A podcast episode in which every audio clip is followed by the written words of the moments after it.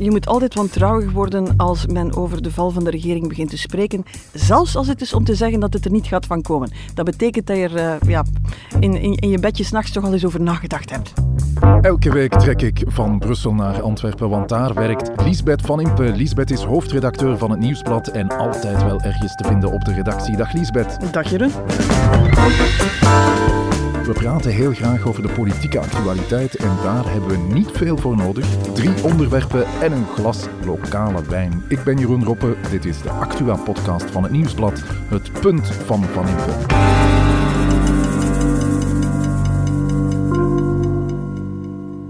Lisbeth, als je deze fles ziet, dan weet je het zeker. Hè? Dat is Belgische wijn. Ze leggen het er nogal dik op. Ja, de driekleur en de naam van de wijn maakt het duidelijk. Hè? Le bon goût des Belges. Belgen hebben goede smaak als het over eten en drinken gaat. Maar in de wijn mogen we echt wel nog uh, chauvinistischer zijn. Want ik zag onlangs een wijnmaker die zei... Uh, we kijken in dit land nog veel te vaak neer op Belgische wijn. Want uh, wat wij doen is eigenlijk net zo goed als wat ze in Frankrijk doen. Hè? Ja, het zal niet aan ons gelegen hebben, Jeroen. Ik vind dat we en? intussen de, de Belgische wijn al eens uh, schoon in, de, in dit talaat gezet ja, hebben. En bovendien, het hoeft niet duur te zijn. Deze Bon Goût des Belges is een Belgische wijn die je gewoon in de supermarkt vindt. En uh, dat bestaat dus ik voor minder dan dat 10 jij, euro. Ik begrijp dat je naar die van Verhofstadt van vorige week even moest op het budget gaan letten. Ja. Inderdaad.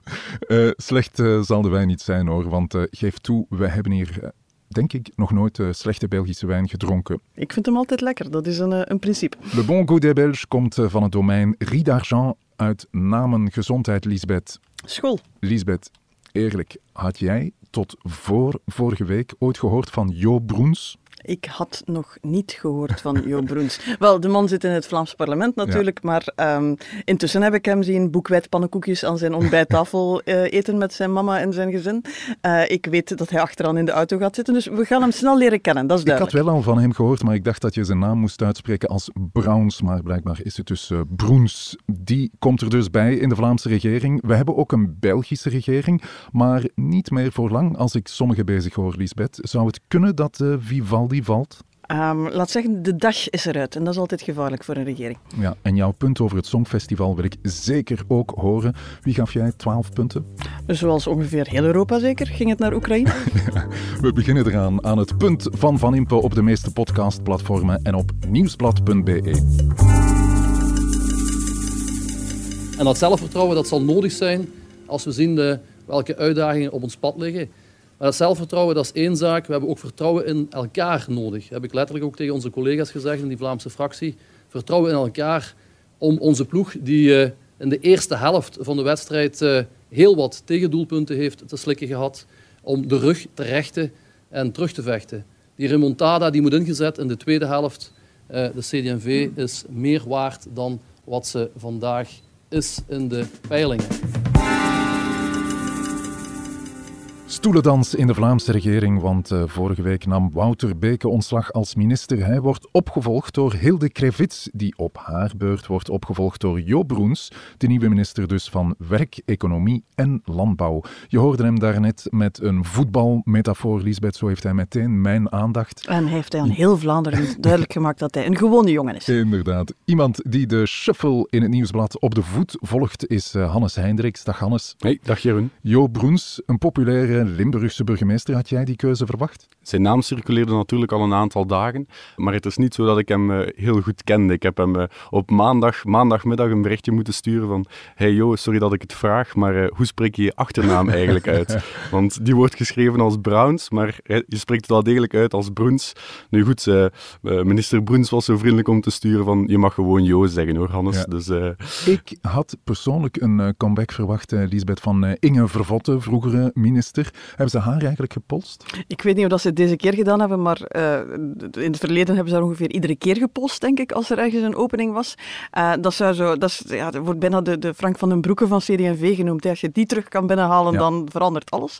Maar uh, ik denk in de zomer van 2020 heb ik haar geïnterviewd en met wat ze toen zei, waar ze eigenlijk zei, ik geloof eigenlijk niet meer dat de partijpolitiek in staat is om de grote maatschappelijke problemen op te lossen. Ja, denk ik, er zal veel water door de Schelde moeten vloeien om Inge Vervotte terug op een ministerbankje te krijgen. Uiteindelijk is het dus uh, Jo Broens geworden. Ik kan me inbeelden dat dat uh, voor veel Vlamingen zo'n beetje de guy next door is, Hannes. Ja, inderdaad. Hè. Het is uh, een relatief jonge minister. Hij is 47 jaar. volgens Hilde Krevits is het ook een heel knappe man. Joachim Koens omschreef hem ook als een, een, een frisse nieuwkomer. Dus het is echt wel een, een, een nieuw gezicht. heel populair in Limburg, niet zo bekend in de rest van het land, maar dat zal nu ongetwijfeld wel volgen. Ja, een gewone jongen, zo zegt hij zelf, een jongen die dicht bij de Boerenbond staat. Gaat dat uh, clashen met die andere Limburgse minister Demir? Ja, dat was toch iets wat wat opviel gisteren op die persconferentie. Hij benadrukt, van ik kom zelf uit een, eh, uit een landbouwfamilie. Mijn ooms zijn nog steeds uh, landbouwers. Ook in Kinderooien is eigenlijk... De... Asperges. Ja, klopt, inderdaad. De gemeente waar hij burgemeester is, bijna zijn hele lokale beleid is toegespitst op de landbouw daar. Uh, hij is ook een persoonlijke vriend van Lode Sijsses trouwens, uh, boerenbondvoorzitter. En nu hij minister van Landbouw wordt en dat landbouwdossier het stikstofakkoord, ja. je weet het toch wel, uh, op zijn bord krijgt, ja, gaat dat toch wel voor wat vuurwerk zorgen binnen de Vlaamse regering. Ja, want er is binnen die regering een akkoord over de reductie van uh, stikstof, over het sluiten van landbouwbedrijven. Ehm, maar dat akkoord uit februari dateert het, denk ik. Uh, dat moet, als het van uh, Broens afhangt, worden aangepast. Ja, inderdaad. CD&V stuurt daar al een, een, een tijdje op aan. Hè. Uh, een aantal punten en commas verzetten. Nu, Broens wordt het toch iets forser. het grote probleem daar eigenlijk was dat Hilde Krevits als landbouwminister dat akkoord mee had onderhandeld. Haar handtekening staat daaronder, onder het oorspronkelijke akkoord.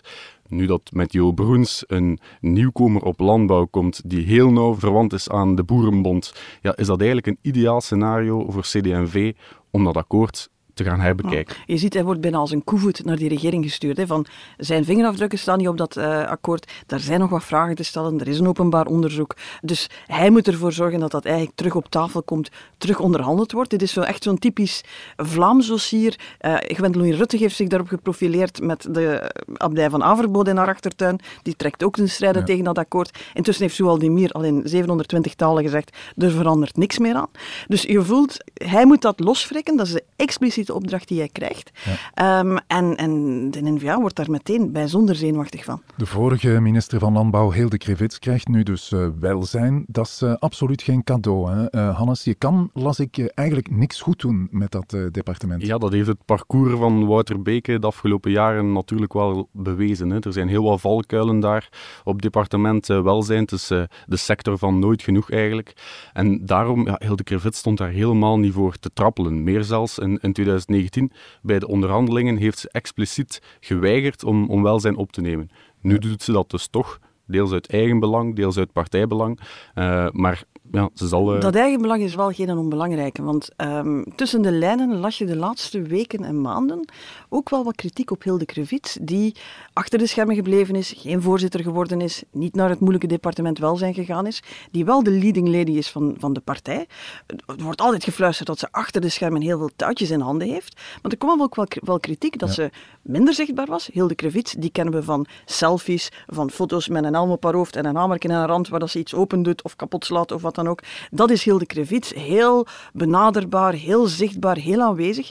Dat was op haar departement economie eigenlijk ja, wat weggedemsterd. Dat was niet zichtbaar genoeg, dus dat levert die partij te weinig op. Dus in zekere zin is het voor haar ook wel een kans je moet, ja, het zijn soort kansen dat je niet altijd graag je richting ziet uitkomen, maar het is een kans om zich terug helemaal op dat voortplan te werken en ja, terug een, een factor van betekenis te worden in die Vlaamse regering en ja, naar de partij ook toe. Ja, want helemaal gelukkig is het duidelijk niet, hè, want ze wouden landbouw ook absoluut houden. Hè? Ja, dat zei ze tot uh, dit weekend eigenlijk, maar dan dit weekend is er toch beslist, net, uh, allee, we zeiden het al, uh, om Broens daar toch op te zetten, om dat stikstofakkoord toch proberen aan te passen. Heel opmerkelijk trouwens, ook Hilde Krevits krijgt meteen een, eh, een voetzoeker mee om in die Vlaamse regering te gooien.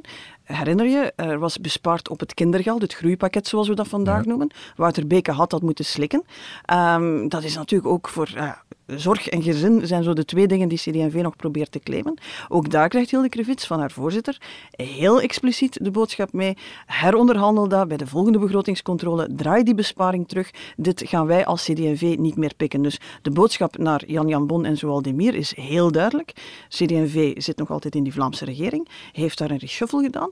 Uh, maar gaat er een stuk assertiever in die regering gaan zitten en eigenlijk gaat nu expliciet gaan zeggen wat ze al een hele tijd achter de schermen zeggen van dat regeerakkoord is eigenlijk niet goed onderhandeld, dat is niet goed voor CD&V, dat doet ons pijn en dus we gaan daar moeten een aantal dingen aan, aan sleutelen. Krivits komt in de plaats van Wouter Beke, die dus uh, ontslag nam. Bij zijn ontslag haalde hij uh, opvallend fel uit naar de media, de social media, maar ook uh, de klassieke media, Lisbeth. Die hebben, zei Wouter Beke, een trechterfunctie en die vervullen ze blijkbaar niet. Voelde je je aangesproken?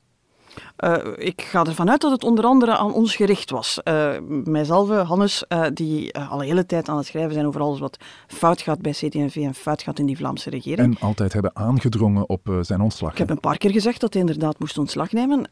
kijk, een minister die ontslag neemt mag wat mij betreft kwaad zijn op iedereen. zijn echtgenote mag kwaad zijn op iedereen. Zijn kinderen mogen kwaad zijn op iedereen. De hele familie mag kwaad zijn op iedereen. Dat is een beetje des mensen. Dat, dat, dat, dat stoort mij niet. Wat mij wel stoort is dat je zo in een discours terechtkomt van ja, kritiek op een minister mag wel natuurlijk, maar het mag toch niet te scherp zijn. We hebben Wouter Beke altijd uitgedacht op hoe hij als minister van Welzijn kon blijven functioneren na de hele crisis in de woonzorgcentra tijdens corona, dan met de crisis in de, de kinderdagverblijven ook. Dat gaat niet over de vraag is Wouter Beken een toffe mens. Dat gaat niet over, het gaat zelfs niet over de vraag of hij een goed minister is. Daar moeten kiezers over oordelen. Uh, het gaat ook niet over de, over de, vraag of hij zelf heel grote fouten gemaakt heeft.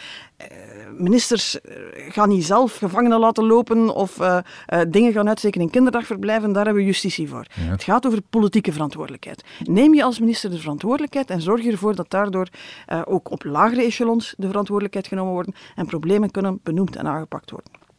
Daarover gaat het. Het is heel duidelijk dat Wouter Beke dat niet gedaan heeft. Tot op het laatst heeft hij eigenlijk geweigerd om daar verantwoordelijkheid voor te nemen. Nothing to prove. Ik heb niks te bewijzen. Alles is eigenlijk... Ik, heb, ik was eigenlijk een hele goede minister. Heel zijn af, afscheidsspeech ging daarover. Ja, dan vind ik, dan moeten we daar streng voor zijn. Eerlijk gezegd, mensen die een gewone job doen, met minder hoge aspiraties, met minder hoge ambities. Ik bedoel, dit zijn mensen die minister willen worden, hè, die de sleutels van het land in handen willen hebben. Hè. Een gewone mens, als hij zijn job niet goed doet, die gaat sneller, en harder beoordeeld worden dan een minister die na twee jaar eindelijk zijn conclusies trekt. Dus nee, het is zijn volste recht om dat te doen en te vinden.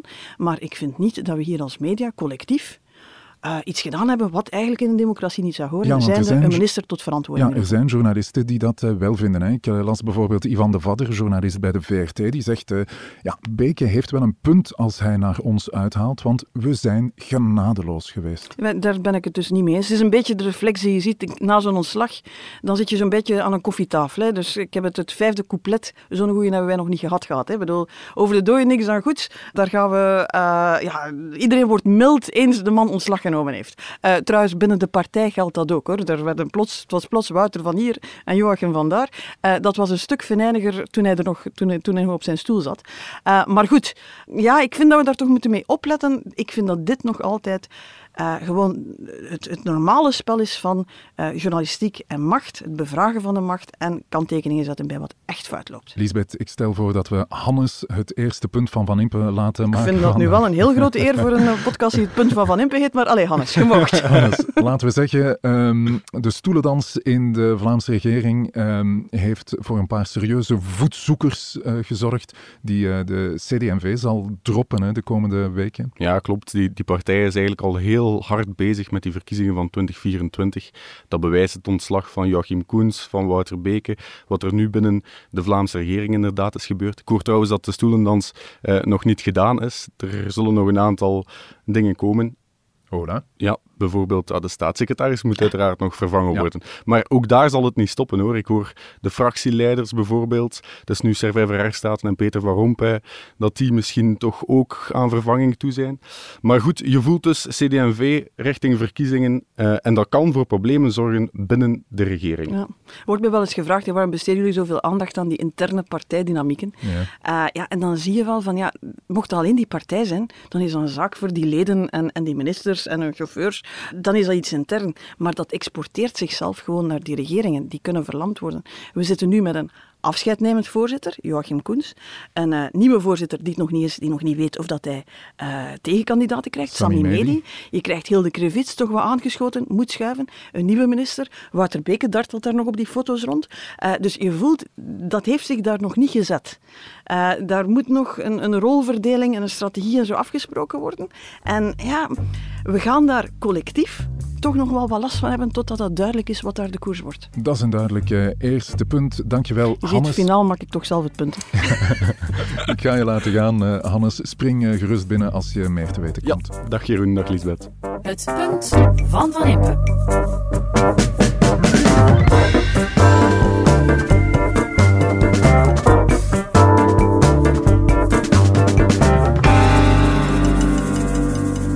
Nooit de regering doen vallen. Ik heb meer dan één jaar besteden om deze regering op poten te zetten. Ik wilde vanaf dag één een, een Vivaldi.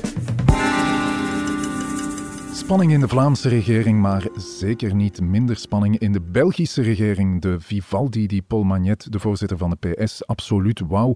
Hij laat Vivaldi niet los. Lisbeth, geloof je dat echt? Je moet altijd wantrouwig worden als men over de val van de regering begint te spreken. Zelfs als het is om te zeggen dat het er niet gaat van komen. Dat betekent dat je er uh, ja, in, in, in, je bedje s'nachts toch al eens over nagedacht ja, hebt. Ja, want ik heb de indruk dat ze zich allemaal wat scherper willen opstellen binnen die regering. CD&V zit ook in de federale regering. De partij wil ook uh, scherper uit de hoek komen en uh, zou daar wel eens voor problemen kunnen zorgen. Hè? Je zag wel wat speculaties. Hoor. Je had zelfs mensen die zeiden van uh, CD&V gaat nu uit Vivaldi stappen.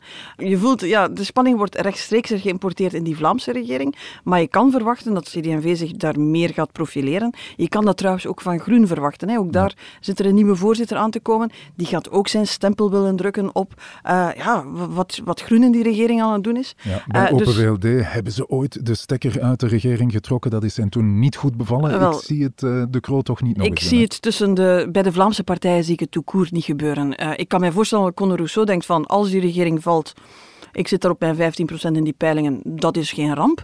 Maar dat is nog iets helemaal anders dan de regering ook echt doen vallen, want iedereen weet dat je daar bij de volgende verkiezingen doorgaans de prijs voor betaalt. En de prijs betalen voor de meeste Vlaamse partijen betekent onder de kiesrempel gaan. Dus dat is een te groot risico. Ik zie geen enkele Vlaamse partij dat risico nemen als je wil kijken naar de stabiliteit van deze regering en waar het potentieel zou kunnen foutlopen, ja, dan moet je aan de overkant van de taalgrens gaan kijken. Ja, en dan kijk ik uh, vooral naar de PS. Die komen plots met uh, een heel aantal voorstellen uh, om de koopkracht te verhogen. Pay them more, zegt Paul Magnet vrij naar Joe Biden.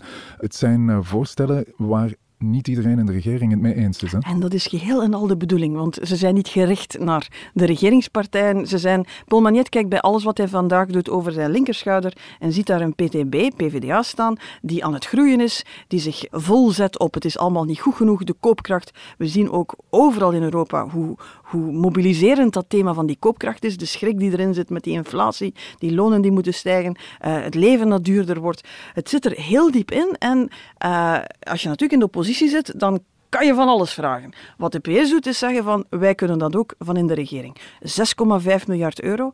Um, een heleboel dingen die op de lagere middenklasse uh, ge, ge, gericht zijn. Ja. Degene waarvan we weten dat die zowat tussen wal en schip dreigen te vallen. Um, serieuze kostprijs, bovenop een begroting die al zwaar in de problemen zit. Niet luisterend naar Europa dat zegt van jongens, uh, het gaat niet supergoed met die Belgische financiën. En hoe gaat hij dat betalen? Allemaal dingen waar dan weer een andere persoon in, niet in de regering, maar in de coalitie, Georges Louis, Louis Boucher, ja.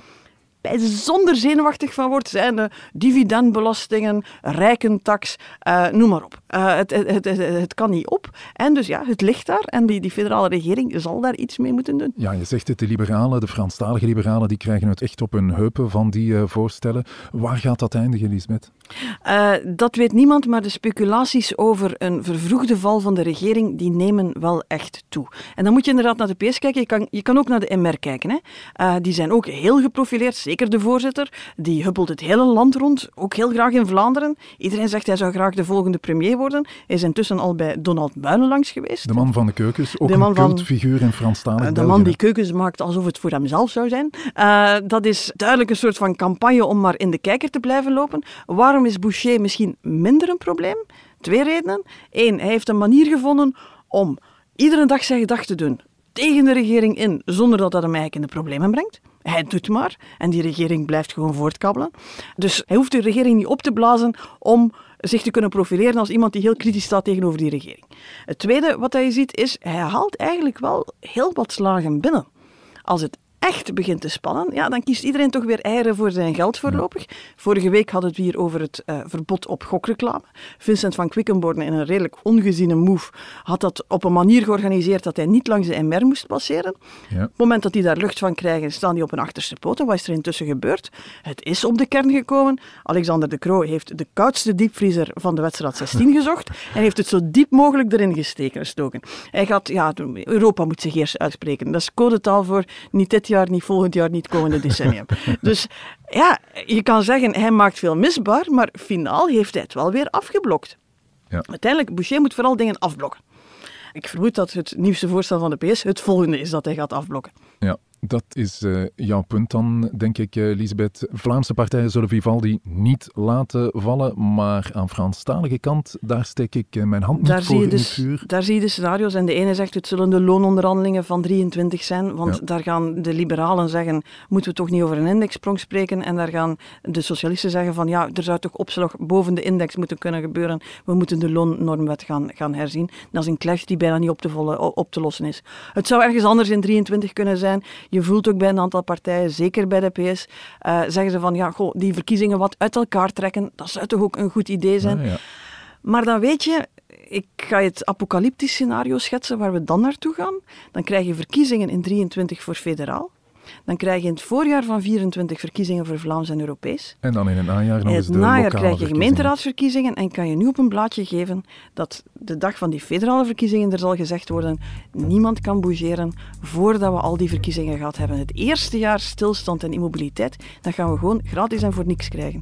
En dan gaan ze eigenlijk moeten ongeveer beginnen. Want hoe zou je ooit een federale regering kunnen vormen als je niet weet wat de coalities zijn in pakweg Luik en Antwerpen? Het punt van Van Impe.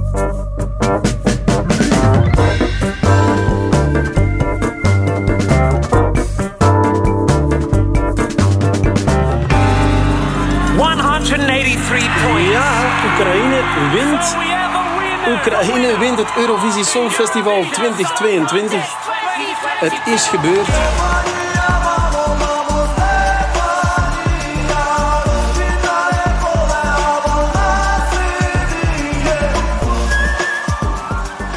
Oekraïne wint het Songfestival, de liedjeswedstrijd. Uh, ik had het eerlijk gezegd ook kunnen voorspellen.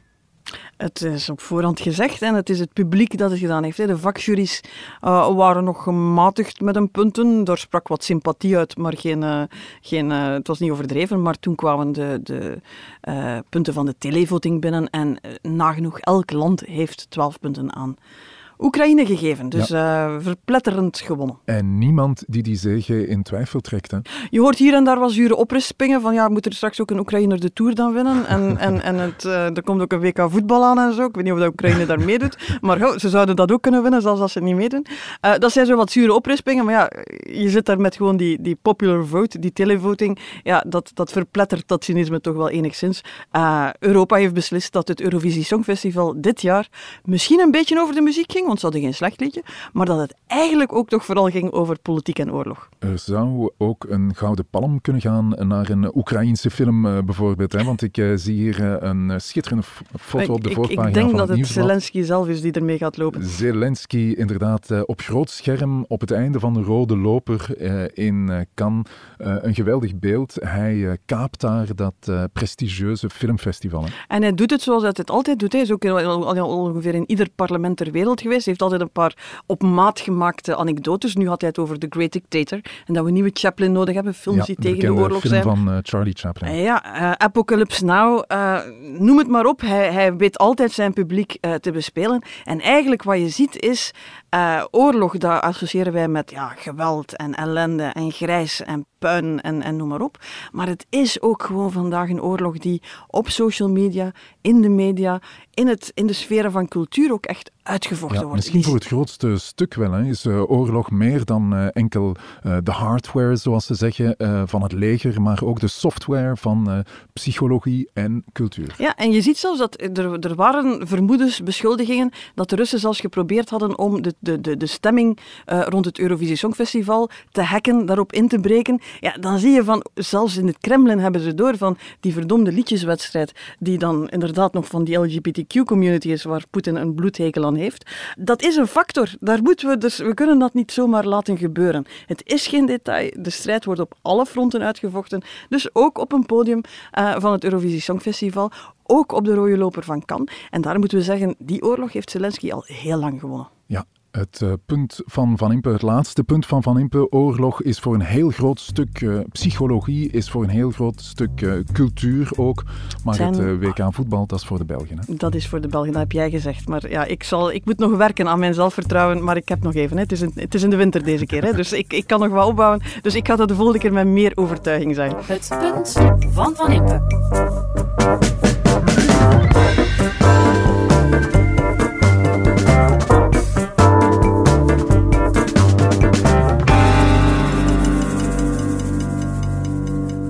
Dankjewel voor de punten, Lisbeth. Le Bon Goût des Belges, de goedkoopste Belgische wijn is dit, denk ik, eh, die we hier ooit dronken tijdens deze podcast. Zeer kruidig, pittig.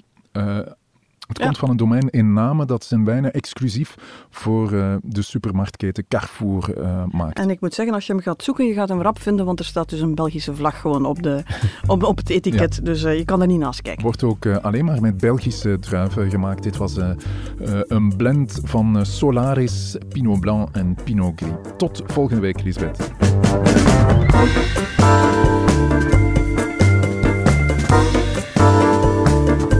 Dit was het punt van Van Impe, een podcast van het Nieuwsblad. Je hoorde de stemmen van hoofdredacteur Lisbeth Van Impe, van Hannes Hendricks en van mezelf, Jeroen Roppe.